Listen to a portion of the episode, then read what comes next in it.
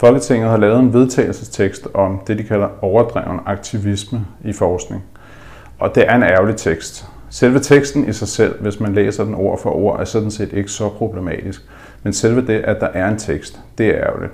Det udtrykker et eller andet sted en mistillid til forskerne, til universitetet, til universitetets ledelser. Og det gør det desværre også for vores egen minister.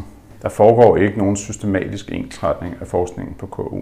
Der vil altid være steder eller miljøer, der i perioder er mere orienteret mod sig selv, og det er derfor, vi altid skal have vores forskning i ekstern bedømmelse og interagere med omverdenen, men vi har ikke de store problemer. Som forsker er man en del af den offentlige debat, og nogle emner ligger tættere på den offentlige debat end andre.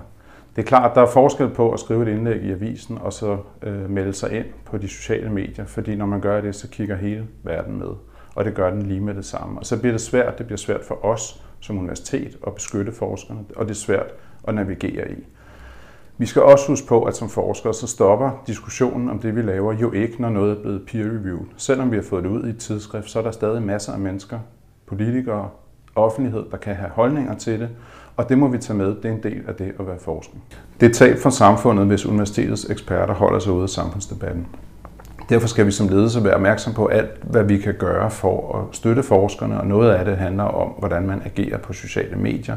Noget af det handler om, at hvis der kommer ekstremt stort pres på bestemte forskere eller bestemte forskningsmiljøer, så det rejser nogle principielle spørgsmål, jamen, så skal vi som ledelse ud øh, og markere, hvor står universitetet, hvor står vores forskere, og, og hvor skal politikernes arme for eksempel være kortere.